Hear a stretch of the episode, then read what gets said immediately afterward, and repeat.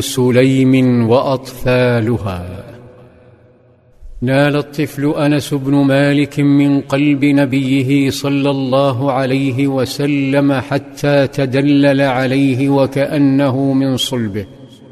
ذات يوم أراد معرفة حلم النبي صلى الله عليه وسلم وحبه له حين أرسله في حاجة فقال والله لا أذهب. ثم خرج وفي نيته أن يذهب. مشى حتى مر بالسوق. فإذا أطفال يلعبون فتوقف ببراءة الأطفال لمشاهدتهم حتى تأخر. وفجأة يغمره فوح الطيب. ويشعر بكفين ناعمتين تمسكانه برفق من الخلف. هل هو نبي الله؟ ربما. فهو يقول ما شممت عنبرا قط ولا مسكا ولا شيئا أطيب من ريح رسول الله ولا مسست شيئا قط ديباجا ولا حريرا ألين مسا من رسول الله. سمع الطفل صوتا عذبا يقول يا أنيس أذهبت حيث أمرتك له؟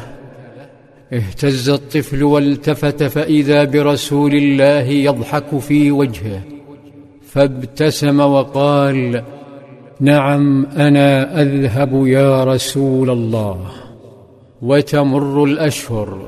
وتنتهي عدة والدته أم سليم فيتوجه أحد الوثنيين واسمه أبو طلحة إليها ليخطبها. نظرت إليه بعينيها المليحتين وعقلها الأكثر ملاحة فجرفت قلبه حين قالت يا أبا طلحة ما مثلك يرد؟ لكنها صدمته بقولها ولكنك امرؤ كافر وأنا امرأة مسلمة لا يصلح لي أن أتزوجك. ظن أبو طلحة أن هذه المليحة تتمنع ليضاعف مهرها من الذهب والفضة فصارحها بظنونه. ففاجأته بطلبها مهرا أغلى من الذهب والفضة مهرا لم تظفر به فتاة من قبل.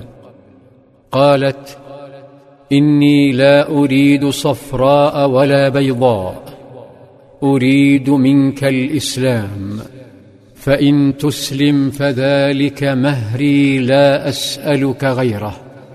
ثم أخجلته وهي تقول أما تعلم يا أبا طلحة أن آلهتكم التي تعبدون ينحتها عبد آل فلان النجار وأنكم لو أشعلتم فيها نارا لاحترقت انصرف أبو طلحة حائرا مهموما.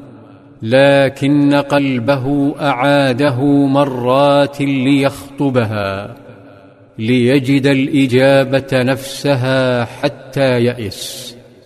عندها أعمل عقله فإذا بنور الإيمان ينير قلبه فينطلق نحوها ليبشرها بإسلامه فإذا بها تبشره بموافقتها. أسلم على يد خطيبته العظيمة ثم انطلق نحو نبيه صلى الله عليه وسلم ليعلن إسلامه.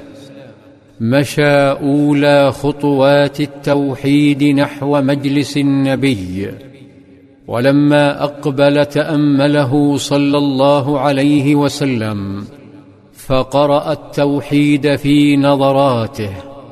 فقال صلى الله عليه وسلم لأصحابه جاءكم أبو طلحة غرة الإسلام بين عينيه وتمر الأشهر فيرزق أبو طلحة بطفل ملأ شغاف قلبه لكنه مرض ثم مات.